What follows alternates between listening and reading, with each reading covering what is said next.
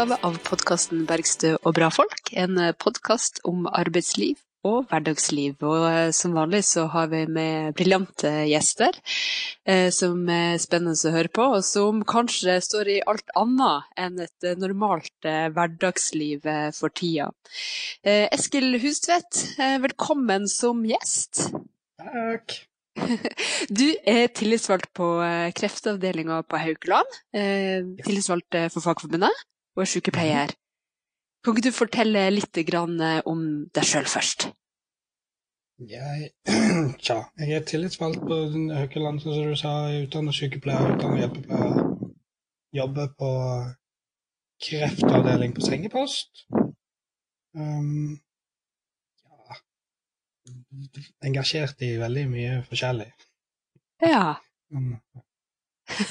det er bra.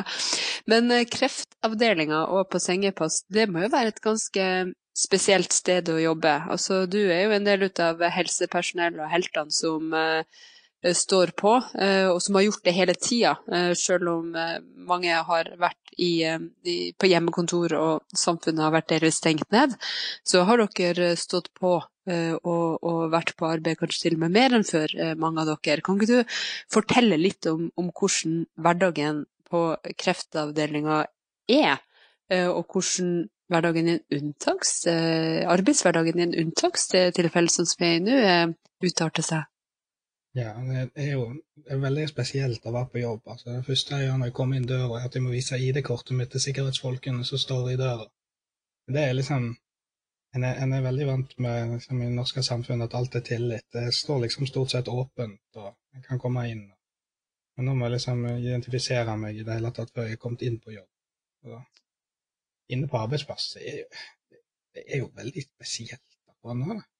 Det, det, det, er, det er veldig stille. For pasientene får ikke lov å gå ut av avdelingen, pårørende får ikke lov å komme på, på besøk. Så det er liksom det er mye stillere enn vanlig, selv om aktiviteten hos oss er, er forholdsvis høy. For det er liksom Det er ikke kreftpasienter du eh, avviser aller først. altså Da er det mer ja, elektive operasjoner og sånn så gjerne kan vente. Mens en kreftpasient, hvis du utsetter, utsetter ting der for lenge, så vil de jo miste en del av prognosen sin.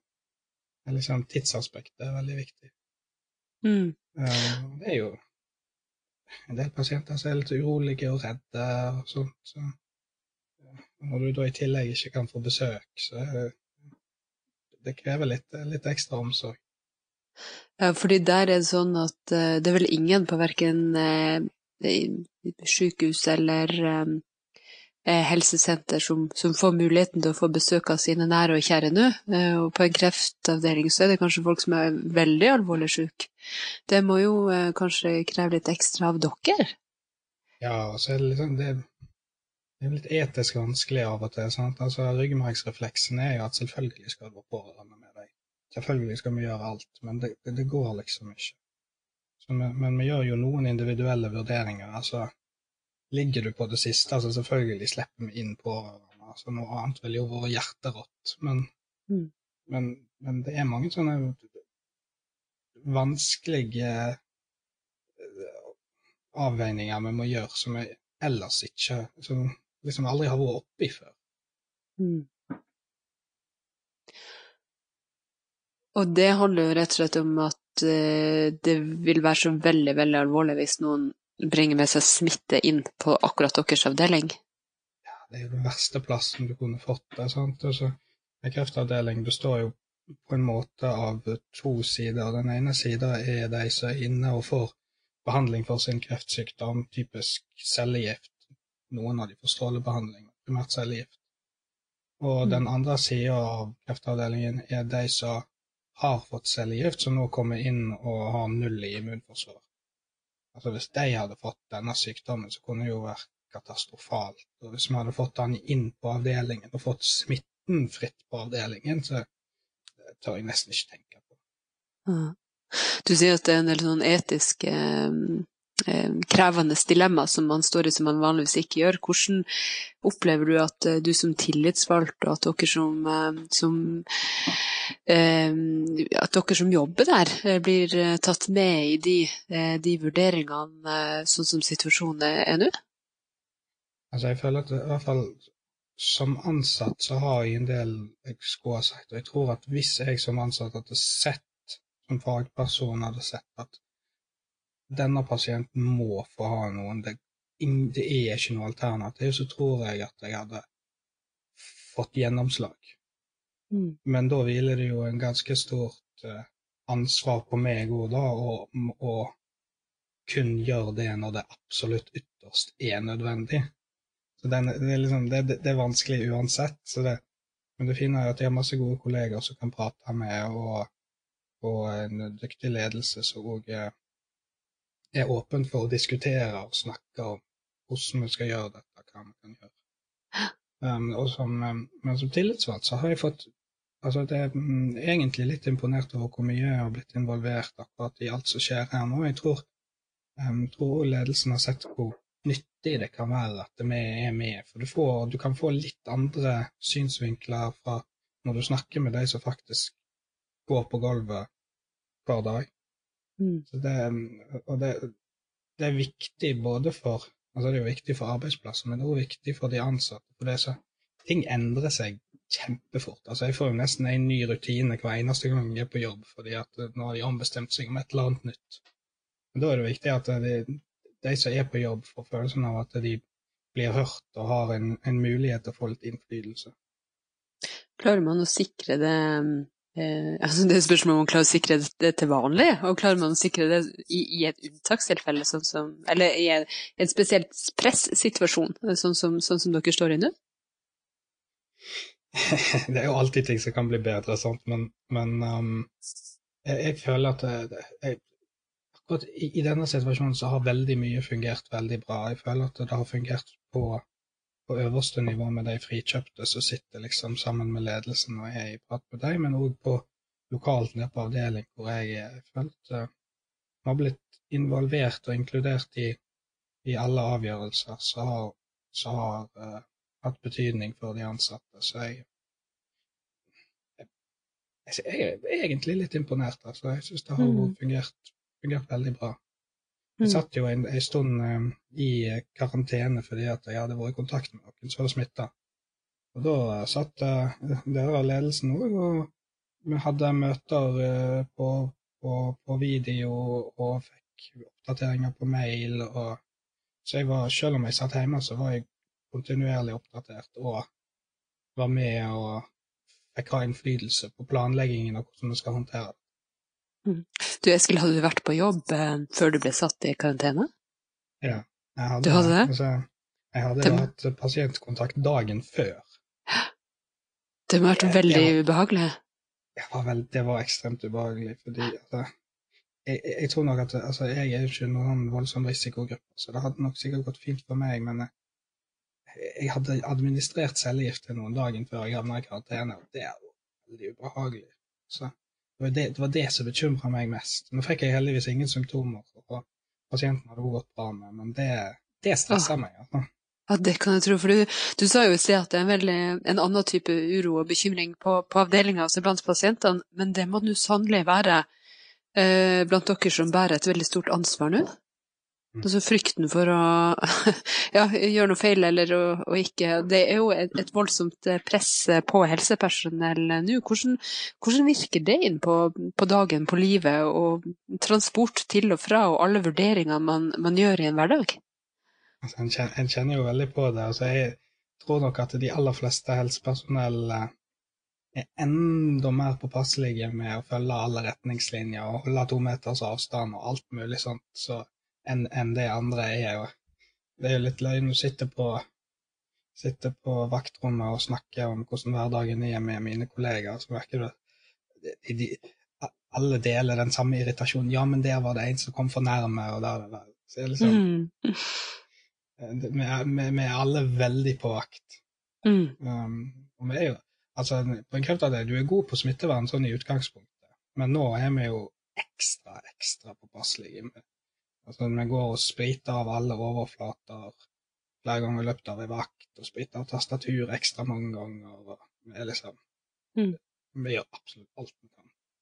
Mm. Og det vet jeg at det er mange, mange som setter uh, måtelig pris på, både jobben dere gjør og, og, og at dere eh, ja, legger store begrensninger på eget liv for å redde andres. Nå vil jo myndighetene at vi skal eh, laste ned en app eh, for, Mm. å, eh, for å hindre eh, smittespredning. Det har jeg eh, registrert at eh, helsemyndighetene vil at vi skal gjøre, men at det er liksom delte meninger Eh, ikke nødvendigvis om appen virker eller ikke, men eh, om, om den oppleves eh, forsvarlig i forhold til sånn eh, personvern og, og, den typen dilemma som, som jo ligger i, eh, i, det å ta i bruk eh, ny teknologi, samle inn en bråte eh, med, med, data man ikke helt vet eh, for sikkert hva, hva blir brukt til. Hva, hva tenker du om det, Eskil? Jeg må først, Før vi kommer inn på, på den appen, så hører du med til historien at du har laga din egen app? Ja, jeg lager en sånn Det starta som et sånn hobbyprosjekt med at jeg ble irritert på, på jobb over noen ting som gikk på papir og litt sånn gamle måter. Så jeg tenkte at dette, dette kan jeg løse på en bedre måte. Så lagde jeg et lite verktøy, og så tenkte jeg ja, ja, jeg kan tilby den til Fagforbundet, kanskje medlemmene vil ha nytte av det. Og så ble Fagforbundet veldig, veldig engasjert i dette, og så ville at jeg skulle utvikle den videre, og så har det bare fortsatt. Så nå er det jo alt mulig rart ifra ei håndbok og ordlister og lenkelister og verktøy for fusjonshastighet og næringsregistrering og alt mulig i denne. Så det, det, det, er gøy, for det var egentlig det var bare en hobby, og jeg som irriterte meg litt over noe. Så det er kjekt å se at andre kan ha nytte av det. Ja. Fordi når du sier at du bare lagde et verktøy, så betyr det at du, at du liksom lagde en sånn app som man registrerer saker og ting på når man Ja, jobber i helsevesenet? Ja, tanken var at vi satt eh, Måten vi drev kostregistrering på, var veldig bakvendt. Vi skrev det på papir, og så satt jeg hver morgen og skulle regne sammen dette, og da satt jeg med en kjempelang tabell, så jeg måtte bare finne hvert eneste eh, hver eneste matvare i den tabellen. Så måtte jeg skrive ned kilokalorier det var, og legge det sammen. og Alt dette her var manuelt, masse bortkasta arbeid. Det var liksom ikke sånn det var ikke kjempegod tid når du jobber på en sengepost i utgangspunktet. Det er irriterende når det er sånne ting som tar opp mer tid enn det skal. Mm. Så da, da lagde jeg et verktøy som bare sånn jeg, jeg bare trykker på brød, og så kommer det opp hvor mye det er, så kan jeg velge hvor mange skiver, og så gjør han alle utregningene og sånt. Så jeg kan gjøre det på to minutter istedenfor ti minutter hvert her. Så det er ja, altså kanskje mindre feil òg? Eller mindre sannsynlighet for uh... Ja.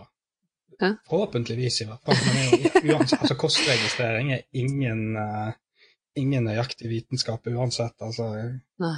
Hvor mye har du spist av denne porsjonen? eller en tredjedel, eller en halv, eller to? Altså, mm. Nettopp. Men da lagde du et sånt verktøy som du savna i din hverdag, fordi du rett og slett eh, ikke bare er, er god på, eh, på folk eh, og på pleie og på tillitsvalgtarbeid, men også rett og slett på, eh, eh, på eh, app-utvikling og den slags. ja, det, det er en hobby, og det liksom, da kan jeg, kombinere både irritasjonen på jobben sammen med hobbyen min, og så kom det et resultat ut av det. Ja, det var så bra. For, altså, jeg gjorde det jo det, det var bare for en for gøy, og en for å prøve, to for å prøve å løse et problem. Og så bare la jeg den ut, og så kunne folk ta den i bruk hvis de ville. Mm. Men hva tenker du om den som eh, myndighetene har laga nå, da, helseappen? Har du lasta den ned? Nei, jeg har ikke Nei. lasta den ned, og jeg kan Altså, jeg, jeg, jeg syns jo det, det er et positivt tiltak i utgangspunktet og ville redusere smitte, men måten en har gjort det på, er jeg veldig, veldig skeptisk til. At um, det, det er masse innsamling, det er liksom masse overvåking, og de ønsker egentlig at det skal være store deler av Norges befolkning skal akseptere masse overvåking, og så har vi ikke noe innsyn i det. Altså, jeg har teknisk kompetanse nok. Hvis de hadde gitt meg koden som de har brukt til å lage denne appen, så kunne jeg sett igjennom. Så kunne jeg sett hva han gjør med opplysningene, hvordan de blir lagra, og sånne ting. Og vi, får ikke noe innsyn. Det, det er noe liksom, Den ryggmargsrefleksen min bare sier at vi, dette kan vi ikke akseptere. Jeg synes det, det er litt rart. Er liksom, vi, vi er i et demokratisk samfunn, og liksom innsyn i prosesser og, og kontroll av statlige instanser er liksom det, det, det, er liksom helt grunnleggende, men nå vi er i denne situasjonen, så gir en ut en app, en sier at han skal overvåke posisjonen din til enhver tid og sende den inn et eller annet sted.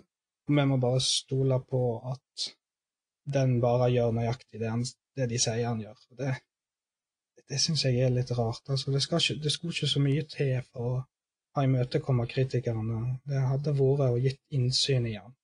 Jeg syns ikke det et så det er liksom, Jeg syns det er et ganske rimelig krav når en, når en vil sette nesten alle under overvåking, at en i hvert fall får innsyn i, i, i, i, hva som blir gjort, og hvordan det fungerer. Så, ja. men, men, hva vil det si, da? Altså man har innsyn? Altså at noe At Altså for sant, jeg, jeg, og du vi, vi er jo på veldig ulike planeter eh, når det gjelder eh, teknisk eh, innsikt og kompetanse.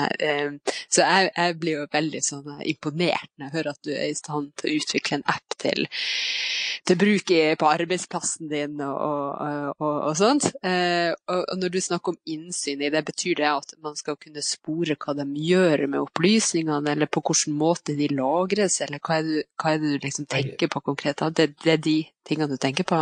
Ja, og det er begge deler, egentlig. Fordi at altså, alle programmer du, du, skriver programmer i koder, og så blir den konvertert til noe som en mobil eller en PC kan kjøre som et program. Og det de har gjort i dette tilfellet, er at de har, de har gitt ut programmet, men de har ikke gitt ut koden. Så er egentlig ganske normalt. Men konsekvensen er at uh, vi kan egentlig ikke vite hva dette programmet som de ber oss om å installere og gi tilgang til lokalisasjonsdata. Vi kan ikke vite hva det egentlig gjør. Vi kan ikke vite hva informasjon som egentlig blir sendt. Vi kan ikke vite hvordan den blir lagra. Det eneste vi vet, er at de sier at de har tenkt på personvern. Mm. Det er det eneste vi får og, og, hvorfor vil man ikke gi ut den, den koden? Er det, er det, av kommersielle hensyn, eller er det liksom andre grunner til det? Altså, som oftest er det jo kommersielle mm. hensyn. Mm. I dette tilfellet så bruker de sikkerhet som et argument. At uh, det er lettere å finne feil i et, en sånn app hvis du har koden tilgjengelig, og så er det da at noen skal kunne utnytte det. Og Altså, det er jo faktisk Litt av poenget er jo at det er lettere å finne feil i et sånt program hvis koden er tilgjengelig. For da kunne jeg ha sett på den, og så kunne jeg ha faktisk gitt beskjed hvis jeg så noe feil. Så det, jeg synes det, det er jo litt rar argumentasjon. Og så er det sånn at det, hvis det er en feil i den appen, så er den feilen der uavhengig av om jeg har koden eller ikke. Noen kommer til å finne den. Altså, hvis folk vil finne sikkerhetsfeil i noe, så klarer de å finne det. Det har jo hele historien med alt mm. som har med data å gjøre, eh, bevist. Hvis det, hvis det er en feil, så kommer noen til å utnytte den. Mm. Så jeg, jeg syns det, det, det, er litt tynn argumentasjon, syns jeg. Og det, så satte de jo ned et ekspertpanel. Så jo, en elsker jo å sette ned ekspertpanel ja. for å kontrollere forskjellige ting. Og så, siden ekspertpanelet har sett igjennom den, så skal vi liksom ha tillit til den. Mm. Det er jo, syns jeg, blir for lett, altså. Mm. Det er, de ber om ekstremt mye, men også er de ikke villige til å imøtekomme de som kritiserer på noen som helst måte. Jeg syns det, det, er synd, for vi trenger jo egentlig dette tiltaket, men ja. Ja, her blir, jo, eh, her blir jo litt sånn eh, nok et dilemma, da. Der eh, sikkert sykepleieren i deg sier sånn kjempebra å få smittesporing og registrering, og så sier Eh, den kritiske, eh, eh, teknokyndige delen av det, at det her er jo vanvidd. For jeg syns jo det er rart å invitere folk med på det man kaller for en dugnad, og nå må vi alle stille opp. Og så har man ikke tillit i andre enden med å dele ut ja. ikke sant? For det, det syns jeg er spesielt. Da hadde man jo Jeg synes det er veldig da. kunne, tillit er jo en, en tosidig greie. Um, fordi ordet masseovervåkning, det bør jo få det til å gå litt kaldt Eh, nedover ryggen på eh, flere enn eh, oss som har blitt registrert steder vi ikke vi skulle ønske vi ikke hadde blitt, og, og, og folk som har blitt overvåka for, for liksom vanlig politisk aktivitet um, ja. på, på venstresida. Uh, og da uh, kunne man jo kanskje med, som du sier, ganske små grep uh, økt tilliten og gjennomsiktigheten og gjort det her mer tilgjengelig for de som, som kunne gått etter i sømmene. Ja, jeg syns det, det, er rart at viljen til å imøtekomme ikke er til stede. Er liksom, jeg, jeg, forstår det egentlig ikke helt hvorfor det er sånn. Mm. Det, det, det, er vanskelig å skjønne. Men innsyn i prosesser, det er jo eh, viktig både når eh, teknologi skal utvikles, men jeg vil jo tro at det også er et stikkord i ditt eh, daglige arbeid, virker som, eh, som tillitsvalgt. Eh, fordi det å være tillitsvalgt eh, i helsesektoren er jo er jo utfordrende, vil jeg tro.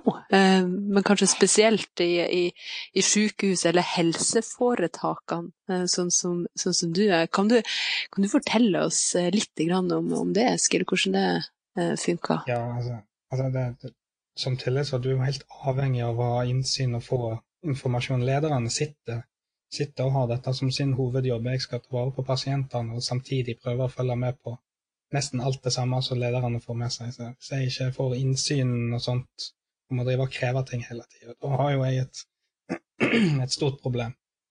Altså, eh, helseforetak er jo de, de, er jo noen helt spesielle beist. Altså, mhm. med måten økonomien og sånn fungerer på. Det tok meg når jeg begynte, eh, når jeg begynte som tillitsvalgt, så tenkte jeg at altså, det er min jobb å prøve å forstå dette her. Så jeg prøvde å å sette meg inn i hvordan økonomien på helseforetakene fungerer. Og det, altså, det er kjempevanskelig å få hodet til å helt skjønne hvordan dette fungerer. Mm. For, um, altså Normalt sett, En ville jo trodd at en, som, som, som, i de fleste offentlige instanser, at du får en pott med penger, og så må du bruke til et eller annet. Mens, men i helseforetakene så er halvparten av pengene på en måte behovsprøvd ut ifra hva vi gjør, og um, måten det vi gjør blir til inntekt for helseforetaket, er ved at vi får det som kalles DRG-poeng. Mm. Det høres egentlig ut som en lek eller et eller annet spill eller et eller annet sånt. Dataspill. Men det er med, ja. Men vi får DRG-poeng. DRG står for diagnoserelaterte grupper. Så er en tenkt gruppering av diagnoser og, og intervensjoner, altså ting en gjør med pasientene, opp mot hvor mye det skal koste for disse, å utføre disse tingene. Så for hver ting en gjør, så må en, i tillegg til at en skriver en vanlig løpende journal, så må en òg registrere en DRG-kode i journalsystemet. Så blir den DRG-koden, den konverterer en til hvor mye poeng vi skal få for den DRG-koden, og så blir de poengene igjen konvertert til en pengesum i andre enden, som vi da skal få utbetalt. Og For å gjøre det sånn ekstra vanskelig, så må den pengesummen så et DRG-poeng er verdt, den skal du halvere, fordi at halvparten av pengene skal allerede vært kommet som en sånn, en sånn Eh, overføring til sykehusene, grunnoverføring til sykehusene, mens den, an, mens den andre halvparten den skal være behovsprøvd i form av DRG-poeng. Og det her er altså, såkalt innsatsstyrt finansiering? Innsatsstyrt finansiering, ja. Det er, altså, å prøve å sette seg inn i dette som liksom Altså, min bakgrunn er sykepleier, ikke liksom økonom eller noe sånt. Jeg kan for så vidt ikke skjønne hvordan økonomer kan like dette engang, men den så det var, det var, en utfordring, altså, å prøve å skjønne hvordan dette alt kommer. Ja. Så altså, sitter jeg og leser må, Du må jo lese kjempemye saker som tillitsvalgt. Så jeg satt og leste um, um, en instruks fra Helse Vest, så er liksom de som eier Helse Bergen, som jeg jobber i.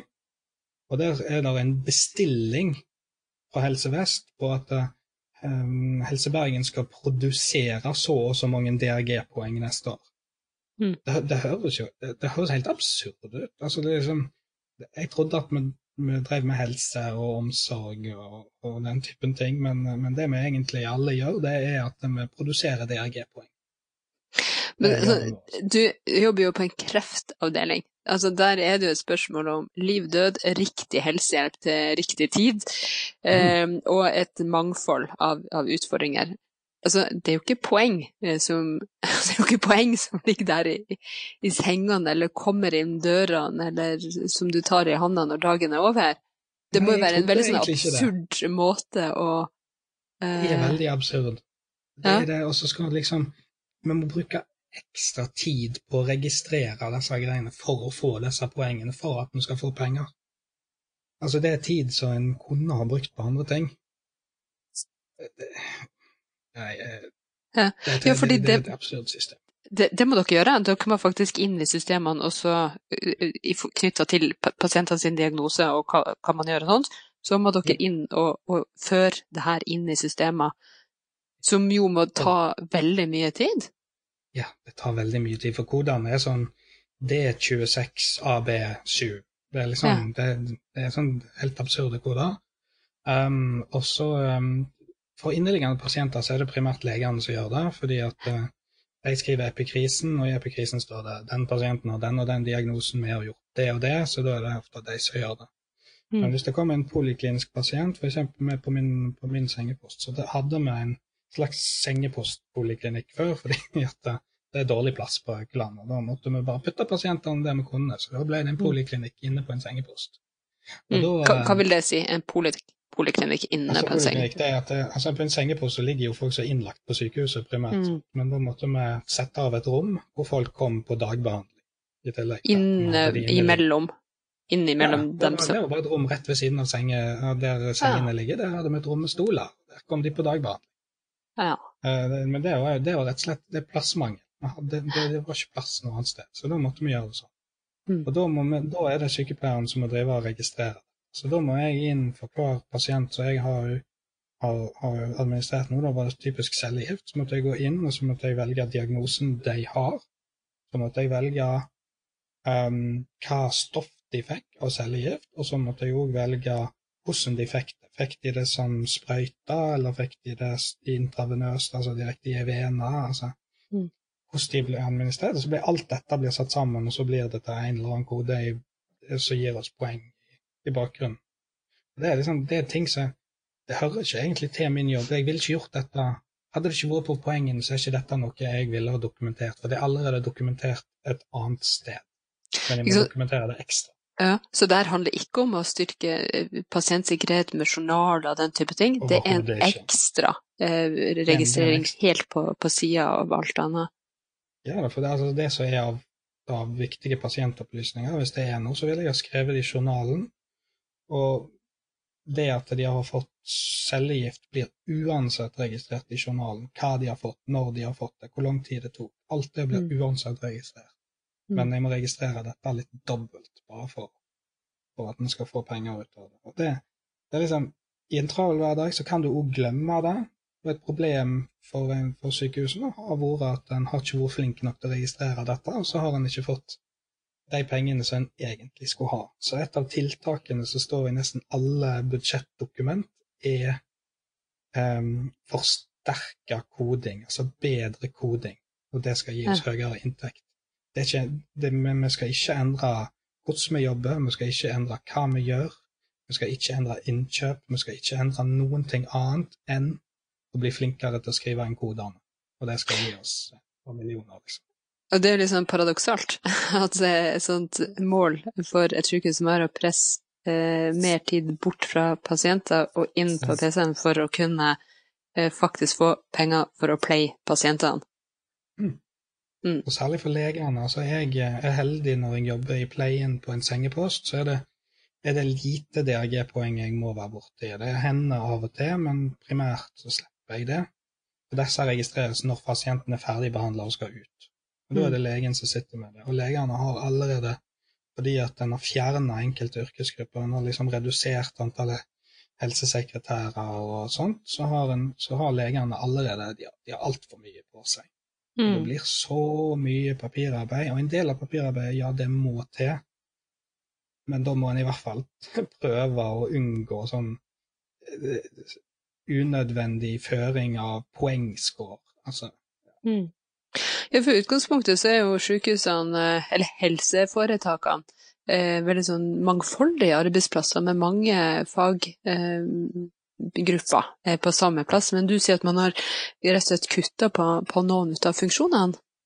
Ja, liksom, en, har, en har prioritert sykepleiere og leger i veldig stor grad, og det er ofte det man ser i media. Så er det òg sykepleiere og og leger som blir løfta fram. Altså, jeg er sykepleier, det er, det er koselig og hyggelig at eh, folk ser på oss som viktige, altså, men det er så mange yrkesgrupper som skal til for å drifte et sykehus. Altså, på, på, sengeposten så har jeg massevis av gode, dyktige helsefagarbeidere som er mine kollegaer. og Jeg har uh, kreftavdelingen har vært relativt flink med å ha helsesekretærer, som har en del helsesekretærer. og det, De er helt nødvendige. altså. Og jeg ville ikke klart å gjort min jobb hvis, hvis portørene ikke var på jobb, så driver pasienttransport og driver og følger på med utstyr og alt mulig sånt. For portørene, det er dem vi alltid ser løpe rundt, holdt jeg på å si, eller gå frem og tilbake i gangene når man er på sykehuset. Ja. Altså, Haukeland universitetssykehus er et svært sykehus. Hvis du skulle sendt meg ut med en pasient og si 'gå til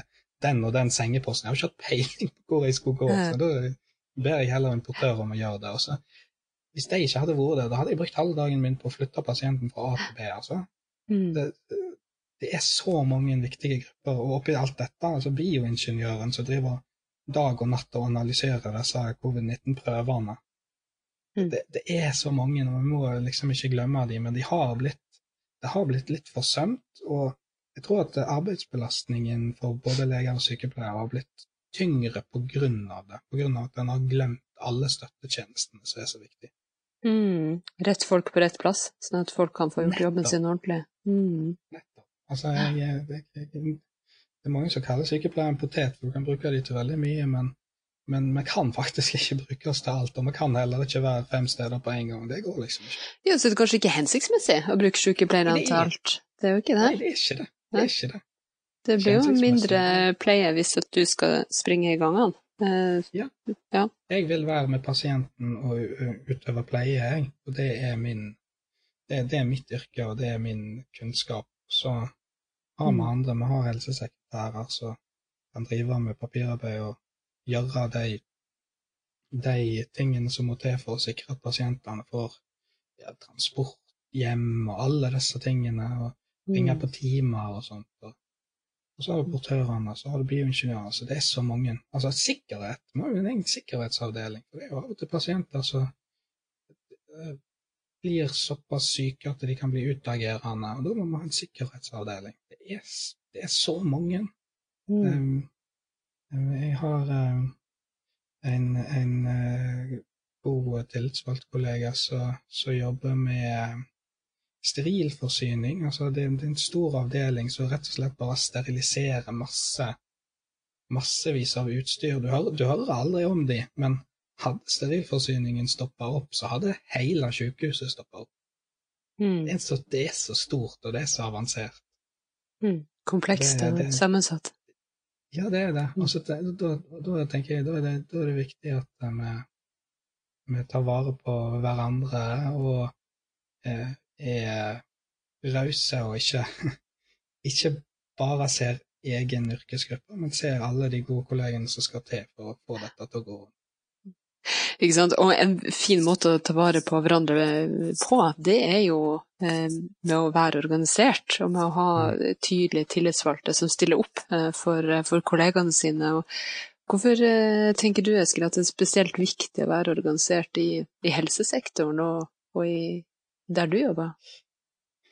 Det, det, det, har du et par timer? Så det, er et, det, er et, det er et veldig komplett spørsmål, men det, det, det første nøkkelordet er jo det er fellesskap. Altså det er fellesskap og solidaritet. Det er det at eh, Ta for eksempel i fjor så var det en stor sykehusstreik, og det var massevis av mine kollegaer, og de streiker ikke for seg sjøl, de streiker for de som hadde mindre stillinger enn seg sjøl, som ikke fikk pensjon. Mm. Det er en veldig godt eksempel på den solidariteten. Så um, når det kommer til et lønnsoppgjør, så er en helt avhengig av å stå sammen. Og da må en stå sammen med alle, sin, alle våre kolleger, for å ikke, ikke, ikke, bare stå sammen alene. Du kommer ikke langt alene, så du gjør ikke det. Da, da må en stå sammen i solidaritet, for alle ønsker jo Altså, vi ønsker jo høyere lønn. Selvfølgelig ønsker vi høyere lønn, men, men måten å oppnå det på er å være organisert og stå i solidaritet med hverandre. Og um, falt jeg litt ut her. mm, det syns jeg var veldig fint eh, oppsummert. Og så syns jeg jo at mange tillitsvalgte er gode på eh, å jobbe med eh, ikke bare endring av arbeids- og lønnsforhold, men så systemendring. Så jeg blir veldig er imponert når, ja, når du både liksom har endra systemet på jobben din med den appen, men også jobber i stort med systemendringer for til helseforetakene. Så tenker jeg at Ja, da det- trenger jo det sitt fellesskap for å kunne få utløp for, for det. Det gjør det, og så er det noen, det er noen gjerne glemmer at det er liksom eh, Demokratiet på arbeidsplassen det er helt avhengig av, av, av at den er organisert. og Det er noen ofte ikke tenker på at ja, ja, en uorganisert, ja, ja, jeg får nå den samme lønna som de organiserte òg, men, men du mister, foruten at du mister det fellesskapet, og du mister å være med i den solidariske bevegelsen, så mister du òg muligheten til å påvirke lokalt på arbeidsplassen. Mm. Det, det tenker jeg er en ting som vi i fagbevegelsen kan løfte enda mer fram. For dette er jo blitt tilsvart er så mye mer jeg vet om hvordan ting fungerer, og det er så mye mer påvirkningskraft jeg som tillitsvalgt har. Mm. Og så gjør jeg det jeg kan for å eh, ta den påvirkningskraften og den informasjonen jeg har, og gi videre til mine medlemmer. Prøv med å prate med de, høre hva de mener og syns om ting, om det er problemstillinger de har, eh, så jeg må være obs på, og prøve å liksom være et slags bindeledd mellom alle disse eh, avanserte tingene som skjer på sykehuset, alle disse Mm. prosessene som er overalt med endring og sånt. Vi er kontinuerlig i endring. Medisinen går framover, metoder går framover. Eh, Mm. Så er det å prøve å gjøre at alle mine medlemmer får en mulighet til å si det de skal. Altså det de Mm. ønsker. Ikke sant? Det, det tenker jeg det, det er en viktig del av dette. Og hadde, hadde vi bare hatt uorganisert altså du, hadde, du, trenger en, du trenger en talsperson, og du trenger noen som ser deg på arbeidsplassen. Det tror jeg du får hvis du, hvis du er organisert. Men Det er i hvert fall mitt mål med, med, med måten jeg jobber mot, mot mine medlemmer. Prøve å gjøre deres arbeidshverdag så god som overhodet mulig. Høres ut som eh, klokt, eh, en klok målsetting. eh. Men du, Eskil, du har jo ikke alltid vært sykepleier. Jeg vet at du har vært helsefagarbeider eh, før hjelpepleier. Hjelpepleier. Hjelpepleier! Hjelpepleier. Uh, før du, før du eh, ble, ble sykepleier. Men vi har et fast spørsmål i denne podkasten, og det er hva var din aller første jobb? Ja, min aller første jobb var å drive og oversette programvare. Um, jeg var oversetter Det var et um, program som da het OpenOffice, det som nå heter LibreOffice. Der var det et, et initiativ fra bl.a. Akershus fylkeskommune som lagde en organisasjon som heter Åpne kontorprogram på norsk. Så ansatte oversettere for å sikre at dette programmet ble oversatt til norsk. Og eh, det var noe jeg eh, jeg jeg hadde drevet på med litt sånn oversettelse av programvare sånn på, på hobbybasis. Og hørte om at denne jobben var, ferdig, var, var, var lyst ut, og flere av eh, folkene som jeg hadde allerede kontakt med gjennom liksom, det frivillige oversettermiljøet, hadde begynt å jobbe der. Så da søkte jeg og fikk, fikk jobba med, med hobbyen min. Og det var veldig gøy. Ja. Du, Eskil, kan jeg spørre deg om hvor gammel du var da? jeg tror kanskje jeg var 16. Jeg var 15-16. Det, var 15-16, fordi veldig mange gikk jo med avis eller plukka jordbær eller Men du, du, du gikk inn på hobbyen din. Så, Ja, men det var, det var altså, å gå med aviser og- Programfører. Jo, men altså, det var Jeg syns det var gøy, jeg. Jeg er imponert. Du Eskil, tusen takk for praten, og masse lykke til videre til deg og dine kollegaer, eh, som gjør en kjempeviktig og uvurderlig jobb for alle sammen nå i de her rare tidene. Takk til deg som hørte på. Håper du fortsetter med det. Ha en fin dag videre.